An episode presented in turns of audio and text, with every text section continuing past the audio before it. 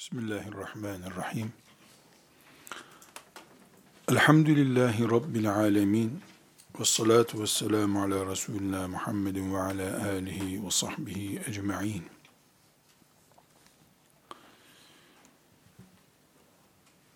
Allah'ı ve peygamberi yani Kur'an'ı ve hadis-i şerifleri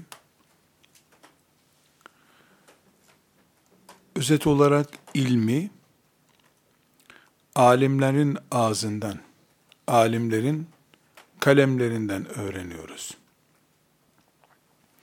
Alimler bir anlamda içtiğimiz sütün kabıdır.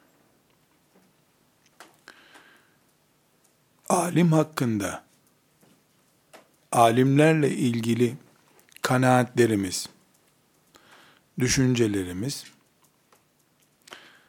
içtiğimiz süt ki bizim etimiz, kemiğimiz olacak, kimliğimizi oluşturacak. Bizim onlar hakkındaki kanaatimiz, alimleri tanıyışımız, kesinlikle elde edeceğimiz ilme etki eder. En başta ashab-ı kiram olmak üzere. Daha sonraki ulemanın müştehitlerden daha alt seviyeye varıncaya kadar sıradan seviyesiz itham edilebilir kimlik sahibi olsalar eğer biz bugün elimizdeki Kur'an başta olmak üzere göğsümüzü kabarta kabarta bu Allah'ın kitabıdır. Hiçbir harfi değişmemiştir diyemezdik. Neden diyemezdik? Nasıl diyeceksin ki? Bunu taşıyan kabımız işte hırsızlıkla, ahlaksızlıkla veya benzeri zafiyetlerle itham ediliyor. Kap kirli, kapla getirilen süt tertemiz. Nasıl olacak ki?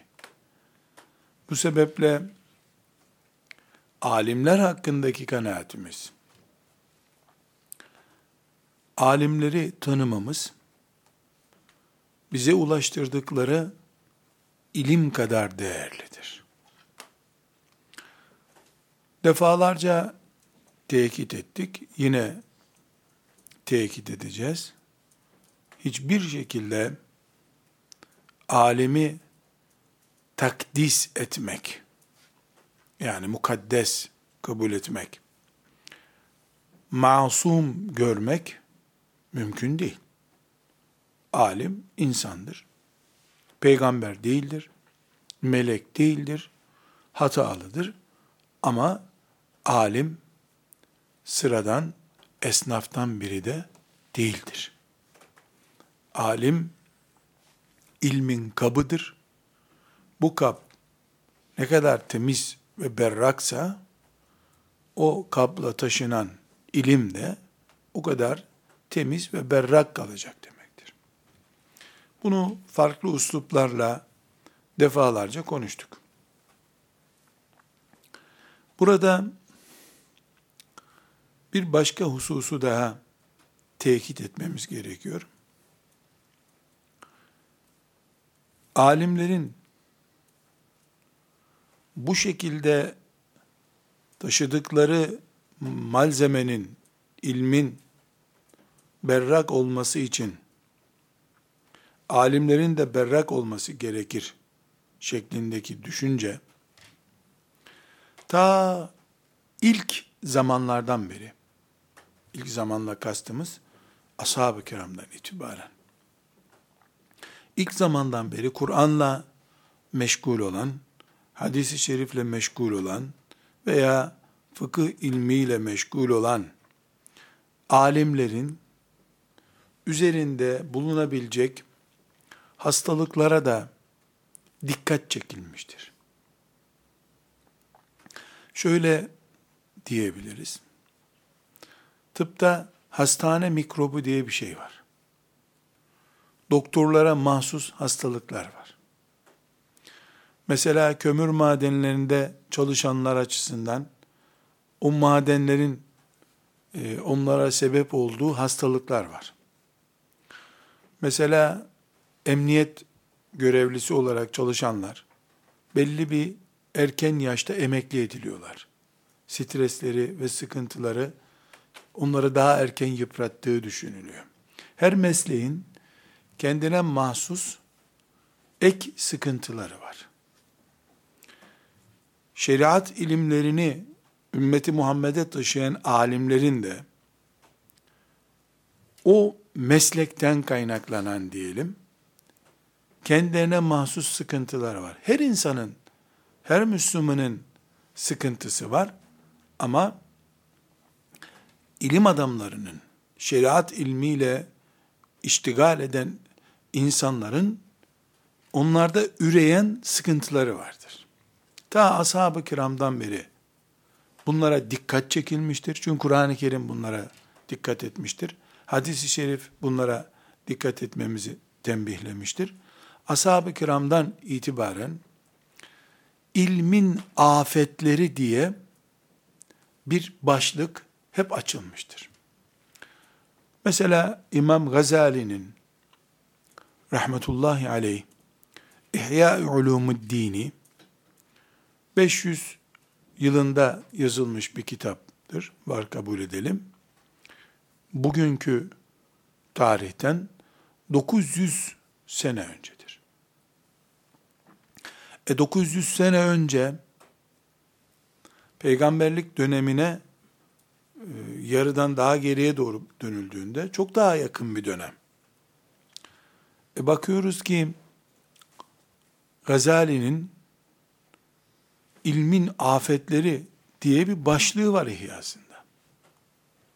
İlimden doğabilecek, yani tam bu manayı onlarca defa çağrıştıracak başlıklar var.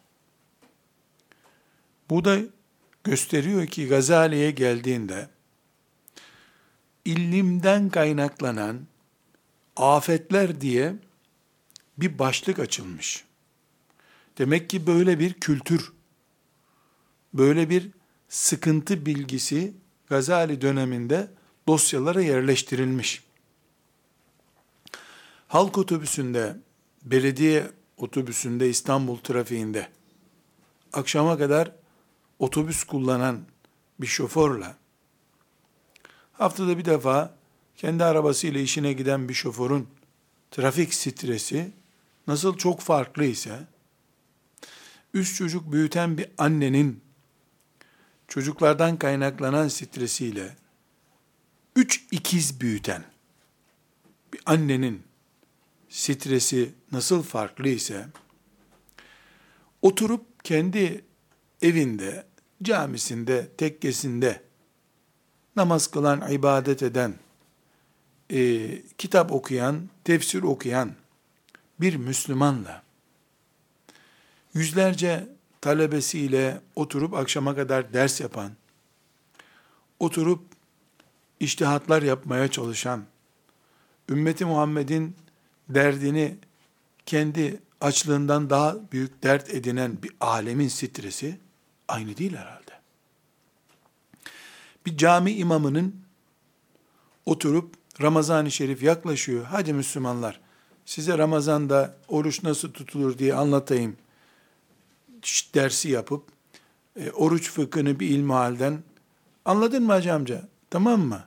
Ha, senin de e, bronşitin mi var? Ha, sen de orucu şöyle tutacaksın diye camide 20 kişiye ders veren, akşamda evine giden bir cami imamının ilim adamlığıyla Ebu Hanife gibi rahmetullahi aleyh belki 10 bin konuda iştihat yapan, fıkıh yürüyüşü boyunca belki 10 bin mesele hakkında kanaat kullanan Ebu Hanife'nin o imamla kıyas edildiğinde hata payı, stresi, yanlış söyleme ihtimali kullandığı ham maddeler olan ayetler, hadislere bakışı aynı tutulabilir mi? Biri ilmuhalden okuyor ve böyleymiş. Diş macunu orucu bozarmış veya bozmazmış diyor. Ebu Hanife'nin önüne de bu mesele getiriliyor. Bu kılı kırk yararak, kimyasal analizini yaparak, orucu bozar mı bozmaz mı diye tahlil ediyor. Dolayısıyla alim, gelmek istediğimiz nokta, talebeliğinde hocasının önünde imtihan yapıyor oluyordu. İmtihana çalışıyordu. Hocasının önüne geçiyordu. Sorulan sorulara cevaplar veriyordu. 10 sorudan yedisini doğru yapıyordu, üçünü yanlış yapıyordu. Hocası bunu düzeltiyordu. Talebeliğinden itibaren yanlış yapıyor alim. Biraz alim oldukça yanlışlarının bir kısmı düzeldi. Bu sefer iştihat hataları başladı. Daha büyüdükçe kırdığı potlar da büyüdü. yani alim büyüdükçe sürati yükselen bir araç gibi oluyor. Sürati yükseldikçe direksiyondaki eğilme payının yönlendirme oranı da artıyor. Mesela 50 kilometre sürat yaparken 70 derecelik bir virajı döneceği zaman direksiyonu işte 30 santim çeviriyordu. 180 kilometre yaptığında aynı virajı dönmek için 30 santim çevirse direksiyonu takla atar. 3 santim çeviriyor bu sefer. Alim de böyle. Alim nihayet insan. Melek değil, peygamber değil dedik. Alimin belli bir seviyesi var. Bu seviyeyi yükselttikçe alim, yukarı doğru çıkardıkça hata oranı da artıyor. Bütün bunlar ve benzeri insan olmasından kaynaklanan birikimler neticede karşımıza alimden beklenebilecek, alim hastalığı denebilecek sonuçlar çıkarıyor. Eski e, kültürümüzde yani ilim konularını anlatan e, kitaplarımızda buna ilmin afetleri denir. Alimin kayma zeminleri de diyebiliriz. Yani alim masum değil, hatalar yapabilir. Bu hataları tespit ettiğimizde bizim alimlerden soğumamızı, alimlerin gözümüzde bir tür prim kaybetmelerini gerektiren bir durumda yoktur. Alim de insan nihayet. Alim de Allah'ın bir kulu. O da Allah'ın rahmetiyle ancak ayakta durabilecek kimliğe sahip. Alemin hata ediyor olması başka şey, hatasında inatlaşması ve kasten o hatayı sürdürmesi başka şey. Başlığımızın altında bunların tamamını ele alacağız. İlmin afetleri, alimin yanlışlık ihtimallerini konuşacağız. Ee, bunu neden konuşuyoruz? Alimin ne kadar büyürse büyüsün, asla peygamber olamayacağını, melekleşemeyeceğini, büyüse de, küçülse de bir anadan doğmuş, bağırsağı olan, midesi olan ve Cebrail aleyhisselam tarafından günübirlik fabrika ayarlarına geri çevrilme imkanı olmayan birisi olduğunu, Ebu Hanife de olsa böyle olduğunu, Bukhari de olsa böyle olduğunu bileceğiz. Neden böyle biliyoruz? Baştaki söze dönelim. Çünkü alimler içtiğimiz sütün kabıdırlar. Bu kabı tanımamız lazım. Bu kap ne kadar güvenli olursa bizim e, onlardan elde ettiğimiz ilim de bizim açımızdan o kadar güvenli olacak demektir. Birinci sorun ya da ilmin birinci afeti talebeler olarak bizim için de gerekli bu. Sanki yarın inşallah ilimde 3-5 basamak yükseldiğimiz zaman bizim de kulağımızda e, çınlattırılabilecek birinci sorun, ilim bir ibadet olduğu halde, Allah rızası dışında bir maksatla onu elde etmek. Bu birinci afettir. İlmi Allah rızası dışında bir iş için yapmak. Çok basit kardeşler. İlim ibadettir. Bu ibadeti biz başlıklandırdık. Ee, hadisi şerifte, hadis-i şeriflerden yola çıkarak, ilim yoluna çıkan birisinin, ölür ölmez, cennete girecek bir şehit gibi olduğunu söyledik. Şehitlerden daha üstün bir parkurda cennete doğru yürüdüğünü söyledik. İlim ibadettir sözünü belgeledik biz. Cihattır dedik. İbadettir dedik. Şehit olması için bir insanın Allah rızası için vuruşması lazım demiştik. Hatta çok iyi biliyor olmanız lazım. Resulullah sallallahu aleyhi ve sellem Efendimiz Medine'deki hurmalıklarımızı müşrikler işgal eder. Aman aman tam da harman zamanıydı deyip cihada giden ve orada ölen birisi için arkadaşınız cehennemdedir demişti. Çünkü şehadet Allah için olduğunda o ünvana kavuşturuyor. Allah için olmayan şehadetin hiçbir kıymeti yok. Çünkü Allah kendisi için yapılan şeylere ibadet değeri veriyor. İlim hele hele Kur'an ve hadis ilimleri yüzde yüz ibadettir. Bu ibadetin Allah için olması lazım. Allah için şekli namazda abdest gerektiriyor. Oruçta sahur niyeti gerektiriyor. İlimde de maksat gerektiriyor. Ne için yapıyorsun? Ne bekliyorsun bu ilimden? Diploma Allah rızasına engeldir. Elde edilmesi değil. Uğruna ders çalışılması. Memuriyet Allah rızasına engeldir. Memur olmak değil. Memur olmak için uğraşmak. Sonunda Allah için çalışılan 20 yılın sonunda memur olmak başka şey. Memur olmak için burada ders çalışmaktan başka çare olmadığından dolayı çalışmak başka şeydir. İlim bizim süt içiyoruz, sütümüzdür bu dediğimiz ilim. Alimlerin, Ebu Hanifelerin, Bukharilerin, İbn Macelerin ilmi ibadettir. Namaz gibi, oruç gibi, hac gibi yüzde yüz Allah için olması lazım. İlim talebesi eğer bizim sözünü ettiğimiz ilimse kendisini Bedir'de hissetmesi lazım.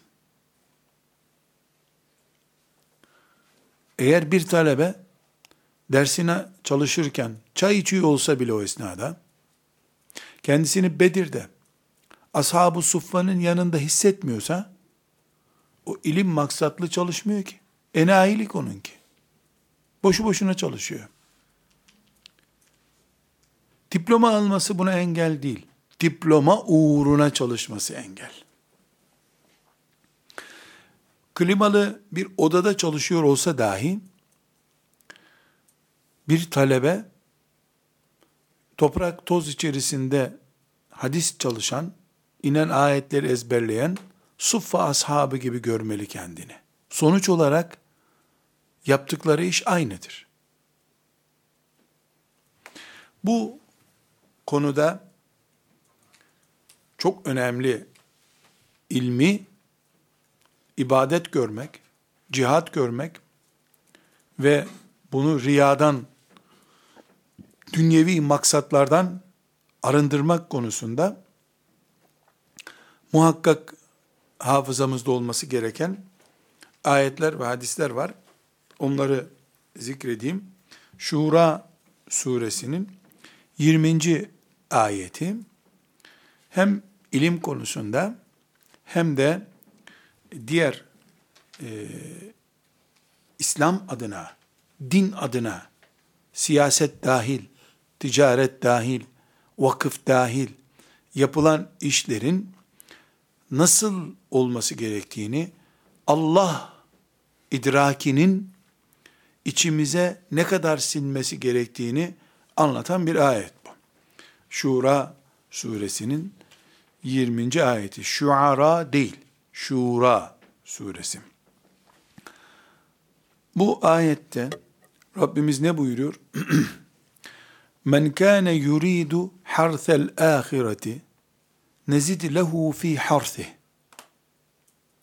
Ve men kâne yuridu harsed dünya nu'tihi minha ve ma lehu fil ahireti min nasib. Ve ma lehu fil ahireti min nasib. Men kâne yuridu harsed dünya, harsel ahireti, kim ahiret mahsulü isterse, nezid lehu fi harsi, onun mahsulüne bereket veririz. Kim de dünya mahsulü isterse, onun isteğinin bir kısmını veririz.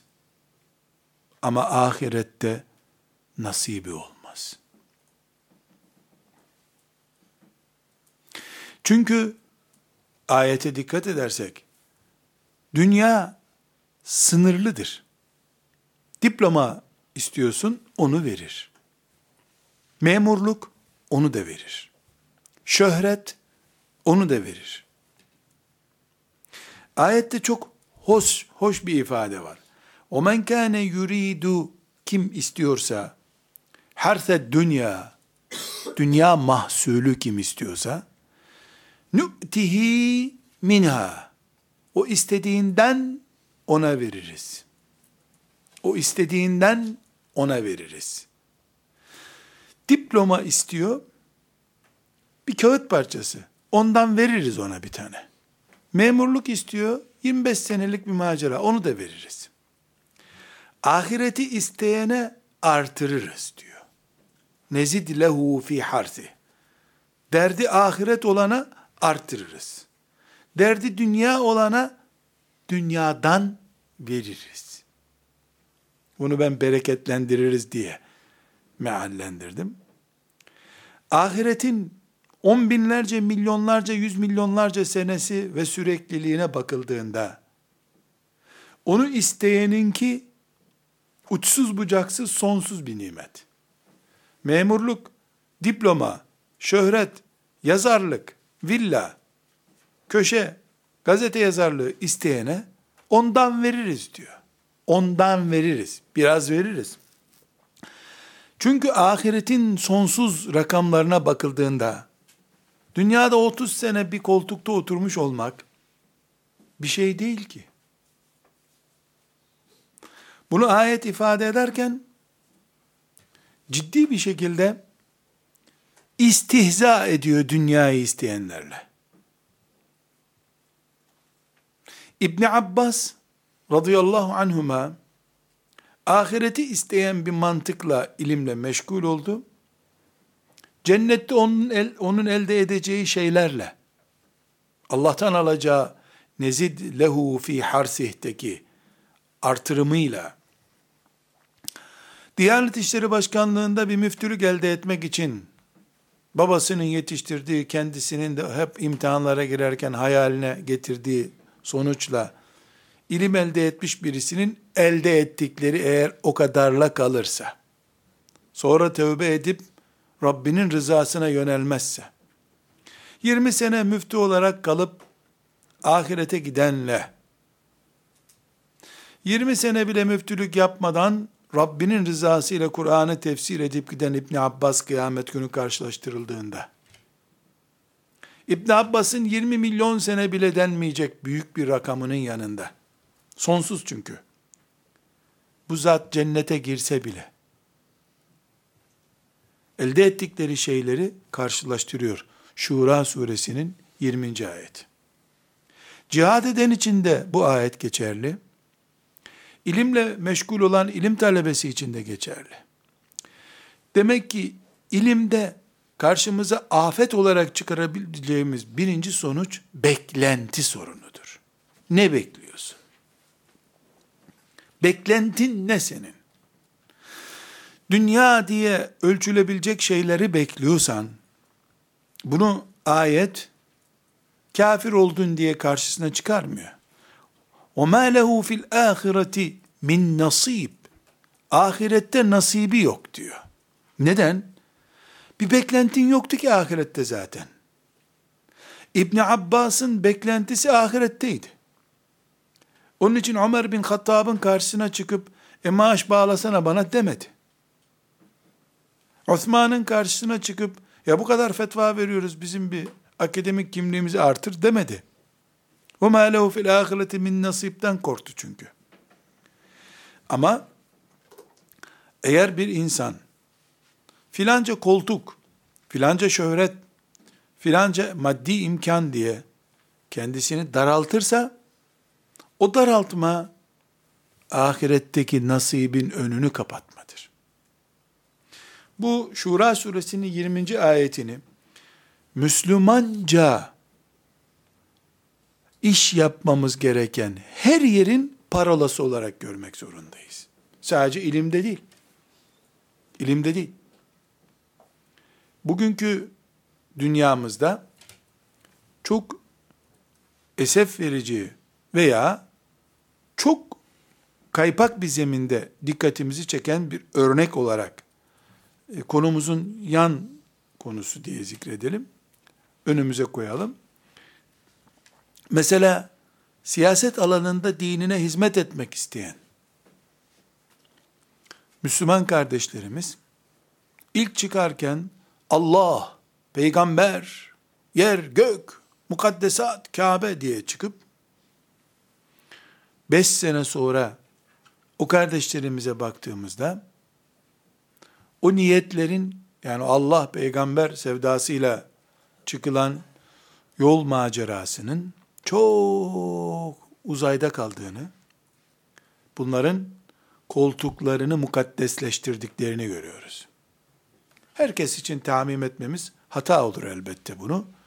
Ama ne yazık ki öbür türlüsü var diyeceğimiz kadar da bir örnek yok önümüzde. Esasen siyaset de ibadet olarak yapılabilir. Ama ne kadar yapıldı onu tahlil edip konuşuyoruz. Aynı şekilde filan yerde bir dernek kuran, vakıf kuranlar için de geçerli bu. Aynı şekilde filan ticareti yapalım da karından talebelere burs veririz diye yola çıkanların da akıbetleri açısından önemli. Bir tür niyetimizle Allah'ı aldatmaya çalışmak gibidir bu. Niyetlerde yani dosya kayıtlarında Allah rızası ve cihat kayıtları görünüyor. Dikkate bu onlar çekiyor. Ama teftişte bakıldığında bu niyete uyumlu hiçbir iş yok ortada. En baştaki niyet başka, yıllarca süren pratik uygulamalar başka. Bu e, ahiretten nasipsiz bir yolda yol almak demektir. Şura suresinin bu ayeti celilesini muhakkak ve muhakkak hafızalarımızda tutalım. Sadece ilimle meşgul olanlar değil, adının, Allah'ın adının karıştığı herhangi bir işte geçerli bu. Herhangi bir işte. Camide imam için de geçerli. Kıldırdığı namazla elde ettiği şey, uçsuz bucaksız bir ahiret nimeti de olabilir. Aybaşı aldığı maaşıyla sınırlandırılıp وَمَا لَهُ فِي الْآخِرَةِ min nasip de olabilir. İbn Mace'nin 4105. hadisi şerifi var.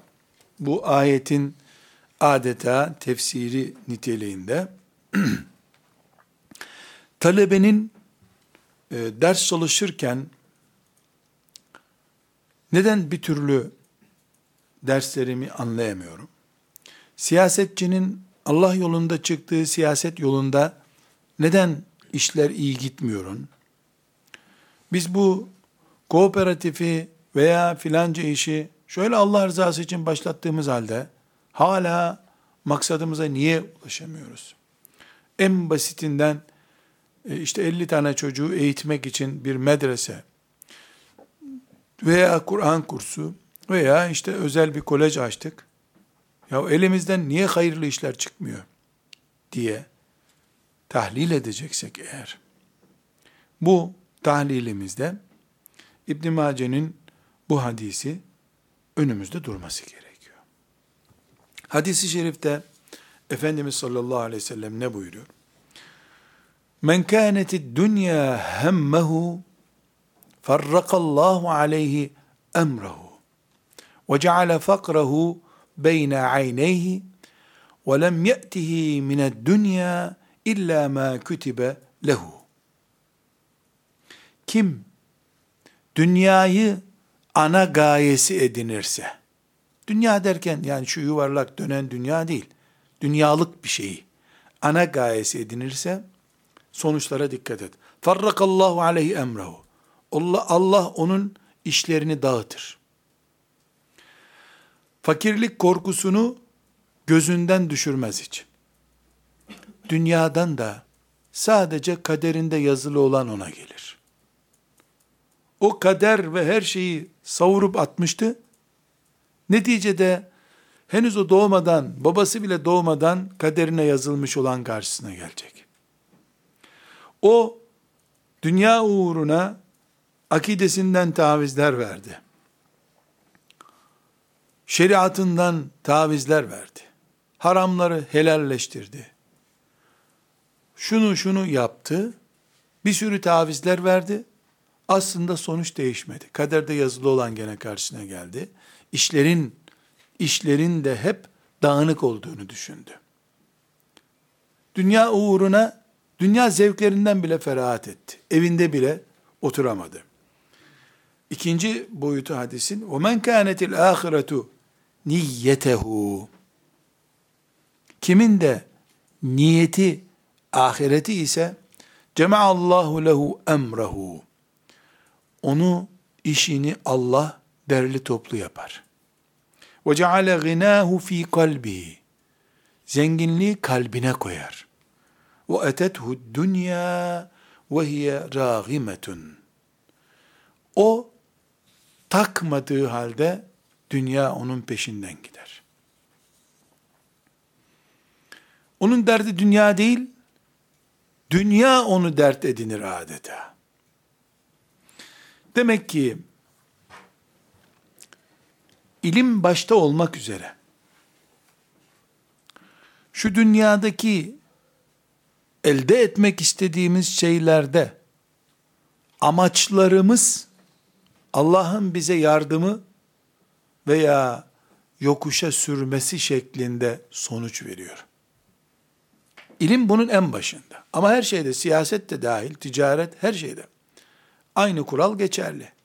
Dünya peşinde koşanlar, dünya peşinde koşmak zaten mümkün değil. Dünya yuvarlak dönüyor. Sen ne kadar dönsen gene dünyanın üstünde dönüyorsun.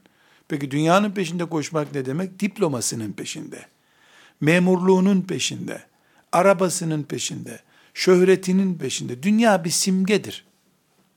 Yoksa şu yuvarlak yer küre değil kastedilen dünya. Bir başka Tirmizi hadisi şerifi 2654. hadisi şerif Tirmizi'de Men talabel ilme li yucariye bihil ulema ev liyumariye bihi süfeha ev yasrife bihi vucuhen nasi ileyhi.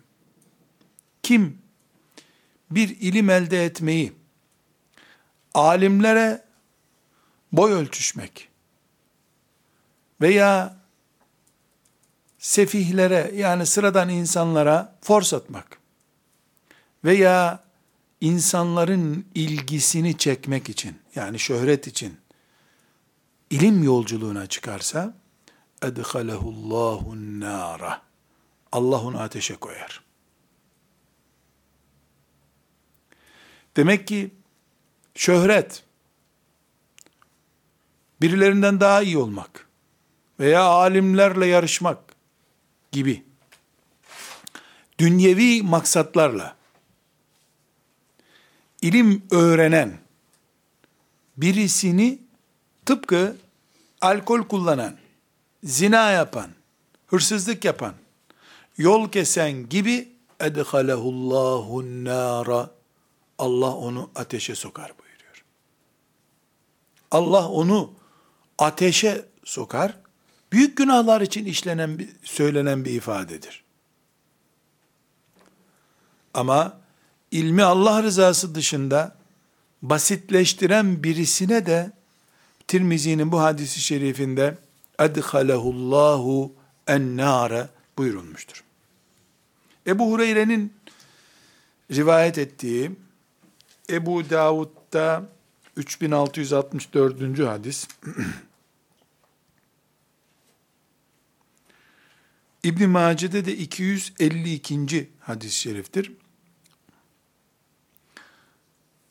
Bu hadis-i şerif biraz daha açıyor konuyu. Dikkat ederseniz ayeti şerh eden hadisleri böyle açıklama tonuna göre, tonajına göre e, sırayla zikrediyorum. Bu hadis biraz daha açık bir şekilde ilmi dünya maksatları için kullanmanın sonuçlarını zikrediyor. Men tealleme ilmen mimma yubtega bihi vechullahi azze ve celle. Aslında Allah'ın rızası için öğrenilecek bir ilmi. Nedir Allah? Kur'an, hadis, fıkıh. Bunlar şeriattır. Allah'ın dinidir. Bunlar Allah rızası için öğrenilir şeylerdir. La yeteallemuhu ama onun öğrenme maksadı illa li yusibe bi aradan mined dünya. Dünyalık bir menfaat elde etmek için öğreniyor. Allah için öğrenilmesi gereken bir ilmi dünyalık bir şey elde etmek için öğrenmeye çalışan lem yecid arfel cenneti yevmel kıyameti. Kıyamet günü cennetin kokusunu hissedemez. Tabii ki böyle bir suç kafir olup cehenneme girmek demek midir diye soru sorabiliriz. Değil. Bunu kafir oldu. Diploma için gitti tefsir öğrendi. Veya şöhret olmak için, yazar olmak için tefsir öğrendi. Kafir oldu. Ebu Cehil'le dirilecek demiyor hadis-i şerif. Ama o cennet koşusunu yokuşa sürdü diyor. Neden? Çünkü o ilim aslında cennetin tapusuydu. O tapuyu kaybetti. Ondan sonraki işlere kaldı cennet. On şansı vardı. Bunların biri ilimdi. Öbürü şehitlikti. Öbürü teheccüdtü. Öbürü infaktı. Birinci şansı olan ilmi kaybetti. Çünkü Allah'ın dışında bir maksat için onu elde etti. Ondan sonra şehit olacak da şehitlikle o tapuyu elde edecek. Veya büyük servet harcayacak Allah için de servet harcamak fonundan cennete girecek. Demek ki ilim hele hele mimma yubtega bihi vechullah Allah için yapılır ilim. Hangi ilim Allah içindir? Her ilim Allah içindir aslında. Matematik de Allah için olur. Ama matematiğin Allah için olma oranıyla tefsir ilminin, hadis ilminin, fıkıh ilminin Allah için olma oranı aynı değil. Tarih ilmi de Allah için olur. Ama herhalde akide ilminin Allah için olma oranıyla tarih ilminin Allah için olma oranı aynı değil. Hangi ilim olursa olsun Allah için yapılması gerektiği halde bu hususta e, bir zafiyet gösterip dünyevi bir maksada bunu pazarlayan kendi helakini hazırlamıştır. Burada kendi bireysel bir kanaatim olarak bir şeyi zikretmek istiyorum. Bu Nurattin Yıldız'ın basit bir tefekkürüdür. Hiçbir şekilde fıkıh iştihadı değildir. Ehli değilim zaten o iştihadın. Bu hadisi Allah rahmet eylesin Ahmet Davutoğlu hocamdan ezberlemiştim. Bana iyi bir aferin de çekmişti bunu böyle güzel okudum diye. Tefsirini de veya açıklamasını da bu size anlattığım şekilde ondan dinlemiştim. Sadece 16 yaşındaydım o zaman. O günden beri ben burs almadım. Takvam ne derece yüksek anlaşılsın diye değil. Böyle bir takva sahibi de değilim zaten. Öğrencilere verilen burs bu ümmetin hizmetini görecek bu çocuk diye veriliyor.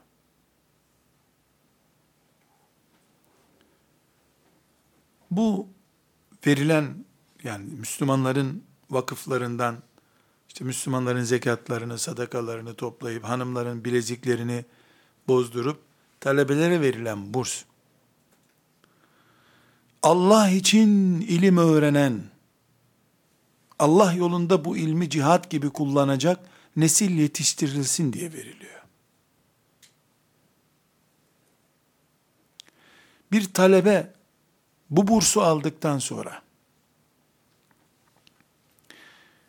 bunun karşılığını Allah için vermediğinde yani Müslümanların Ebu Hanife olsun, Ebu Yusuf olsun, ümmetimizin ilim kapılarını açsın diye. Kuruş kuruş artırıp toplanmış paralarından burs alan talebeler.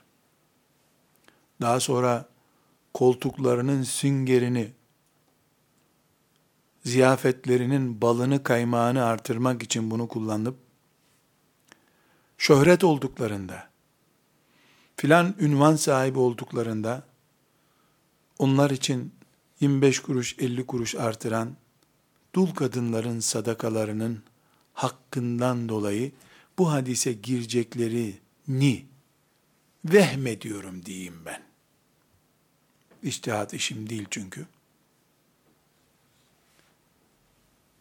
Çünkü hiçbir talebeye yavrum sen çok yakışıklısın al sana burs diye kimse burs vermiyor. Yarını hesaplanarak burs veriliyor hep öğrencilere. Ve ümmeti Muhammed'in de öyle fazlasını koyacak yer yok ya al yavrum azalsın bu para buradan diye fazla bir parası da yok ümmeti Muhammed'in. Makam sahibi olduğunda 50 kuruş da olsa aldığı bursları ödemeyen ama para olarak değil hizmet olarak ödemeyen bu hadisi şerifi bir kere daha düşünsün diyorum. Rabbime hamdolsun. Herhalde annemin babamın duaları sebebiyle bana hiç burs almak nasip olmadı. Bir iki teşebbüs etmeye çalıştım. Olmadı. Elhamdülillah. Müslümanların zekatlarından okumadım. Benim için çok büyük nimet oldu. Şimdiki yaptığım tembelliklerim hiç olmasın o açıdan hesabı sorulmayacak benden. İnsan gençken kolay harcıyor. Babasından alıp harcıyor. İşte akrabalarından alıp harcıyor. Burs harcıyor. Helal. Sıkıntı yok. Burs haram bir şey değil. Zekat verilecekse önce talebeye verilmeli. İlim, şeriat ilmi talebelerine verilmeli. Ama sonrası çok kötü. Allah selamet versin Mehmet Şevket Eygi diyor ki Müslümanların fakirlerine fakir çocuklarına burs verip durmayın yahu diyor. Böyle ben sözlü olarak ifade edeyim. Veriyorsun diyor. Sonra diplomasını alıyor. E, üniversiteye de bir koltuk sahibi olalım diyor. diyor. Doğru hadi bir koltuk sahibi ol diyorsun diyor. İşte doktor oldun. Şimdi bir aç bakalım şu şeriata ait gerçekleri. Doçent olmazsan diyor konuşturmazlar diyor. Haydi bir doçent ol bakalım. Beş sene daha bekledik diyor.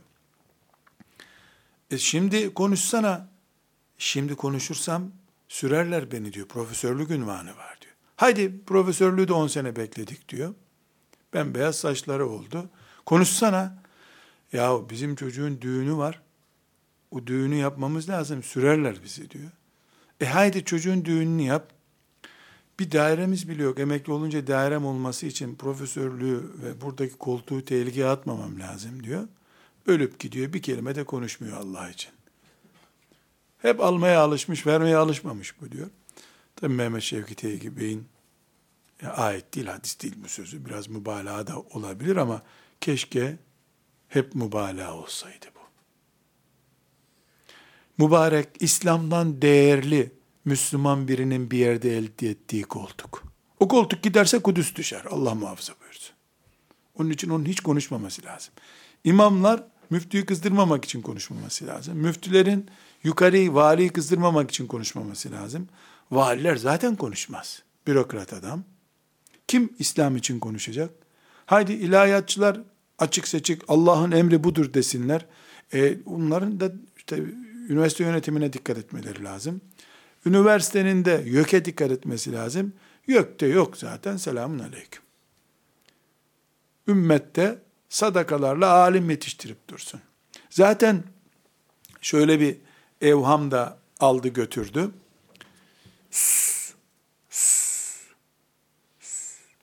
Zamanı gelmedi konuşmanın. Tam yetiştiriyoruz kadroyu. Yetişince birden patlayacak.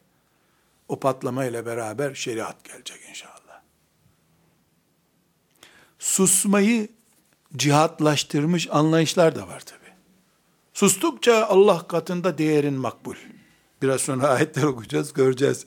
Susunca ne kadar makbul oluyormuş. İnnellezine yektumune ma enzelna. Öyle kolay değil. Sus. Ne demek sus? Kim konuşacak? Ne zaman konuşacak?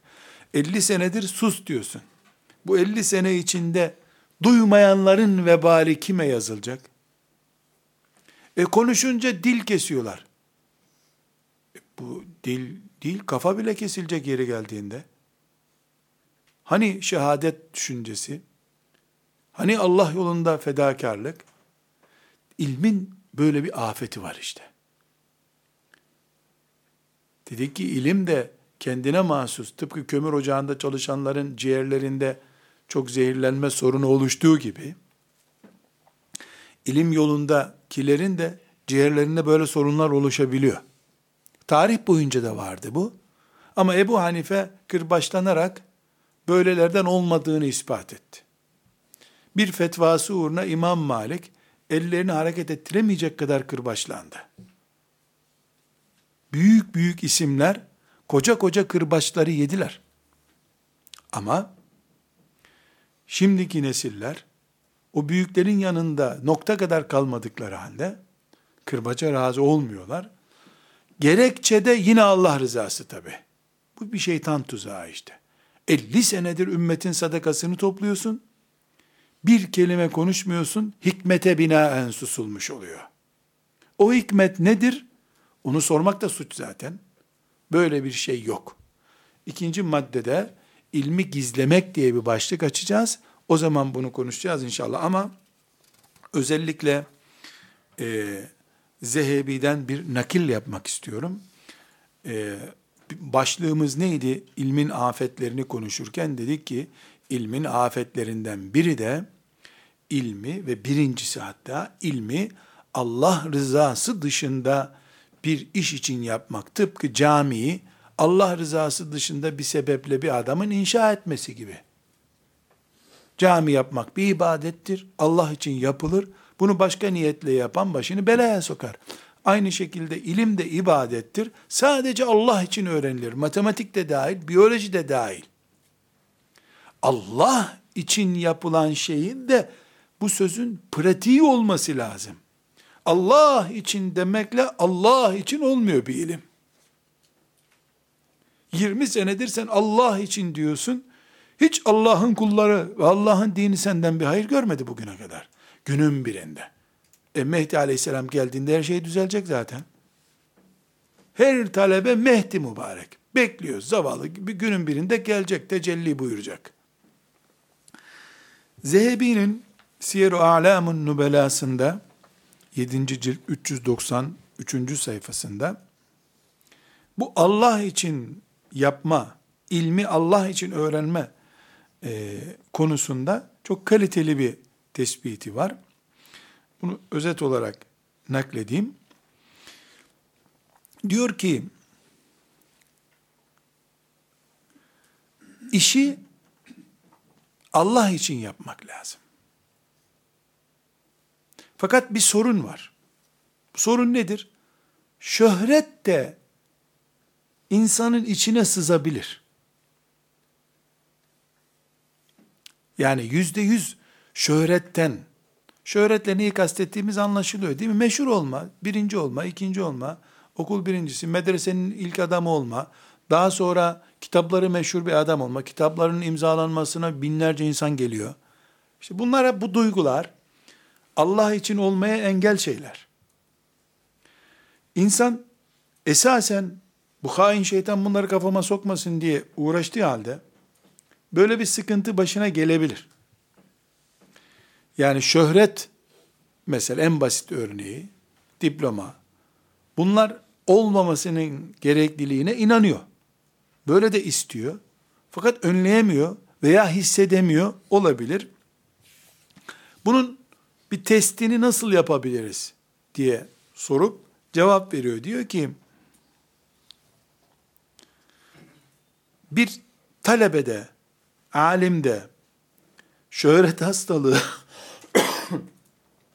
bir mikrop olarak var mı yok mu? Bunu şu şekilde test edebilir. Bir konuda tenkit edildiğinde, niye şöyle yaptın, neden böyle yapıyorsun dendiğinde, hemen yok öyle bir şey. Yok, iftira ediyorsunuz. Demez diyor. Şöhrete düşmemiş bir alimin cümlesi şudur diyor. Rahimallahu men ehda ileyye uyubi. Rahimallahu men ehda ileyye uyubi. Bana hatalarımı gösterenden Allah razı olsun. Demek ki bir talebeye bu bilgisayarı sana hediye aldım. Bununla ders çalışırsın dendiğinde Allah razı olsun diye teşekkür ettiği gibi. Bu işi yanlış yapıyorsun sen. Bu ifadeyi yanlış kullanıyorsun dendiğinde de Allah senden razı olsun diyebiliyorsa Zehebi bunu ne olarak görüyor? Tamam. Sen mikrop taşımıyorsun bünyende diyor. Kendi kendine gurur konusu yapmaz bir şey bilmediğini, içerisinde böyle bir sıkıntının yani şöhret sıkıntısının olduğunu hissetmiyor olabilir. Ama bu işin Allah rızası için yapılacağına inanan birisi reddedip olmaz böyle bir şey. Dünkü çocuk sen bizi tenkit ediyorsun demez. Allah senden razı olsun. Bu ikazın için teşekkür ederim der. Çok küçük bir test öğretti bize Zehebi burada. Bir alime, siz bunu yanlış konuştunuz herhalde. Ayeti yanlış meal yaptınız dendiğinde yüzüne bakarsın. Sen nereden çıkardın bunu?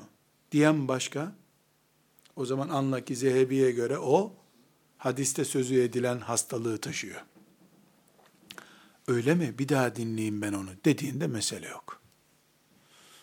Yanlış anlamışsın sen. Dediğin hatayı yapmadım der. Her hatalısın diyene baş üstüne diyecek hali yok adamın. Ben böyle biliyorum. Benim bu tespitim doğru der. Hata ettiğini anlayınca da Allah senden razı olsun. Bunu çok iyi ikaz ettin der. Çünkü biz neye inanıyoruz? Hatasız kul olmaz ki hatasız alim olsun. Hata seviye düşüren bir şey değildir. Ebu Yusuf, Muhammed, Züfer, Hasan, Ebu Hanife'nin ne hatalarını buldular. Ne hatalar bulup önüne koydular. Her birini tebrikle karşıladı Ebu Hanife. Övündü onların talebelerinin kendi hatasını bulmasıyla övündü. İftihar etti. Allah da şerefini yüceltti onun. Hatasız kul yok ki hatasız alim olsun.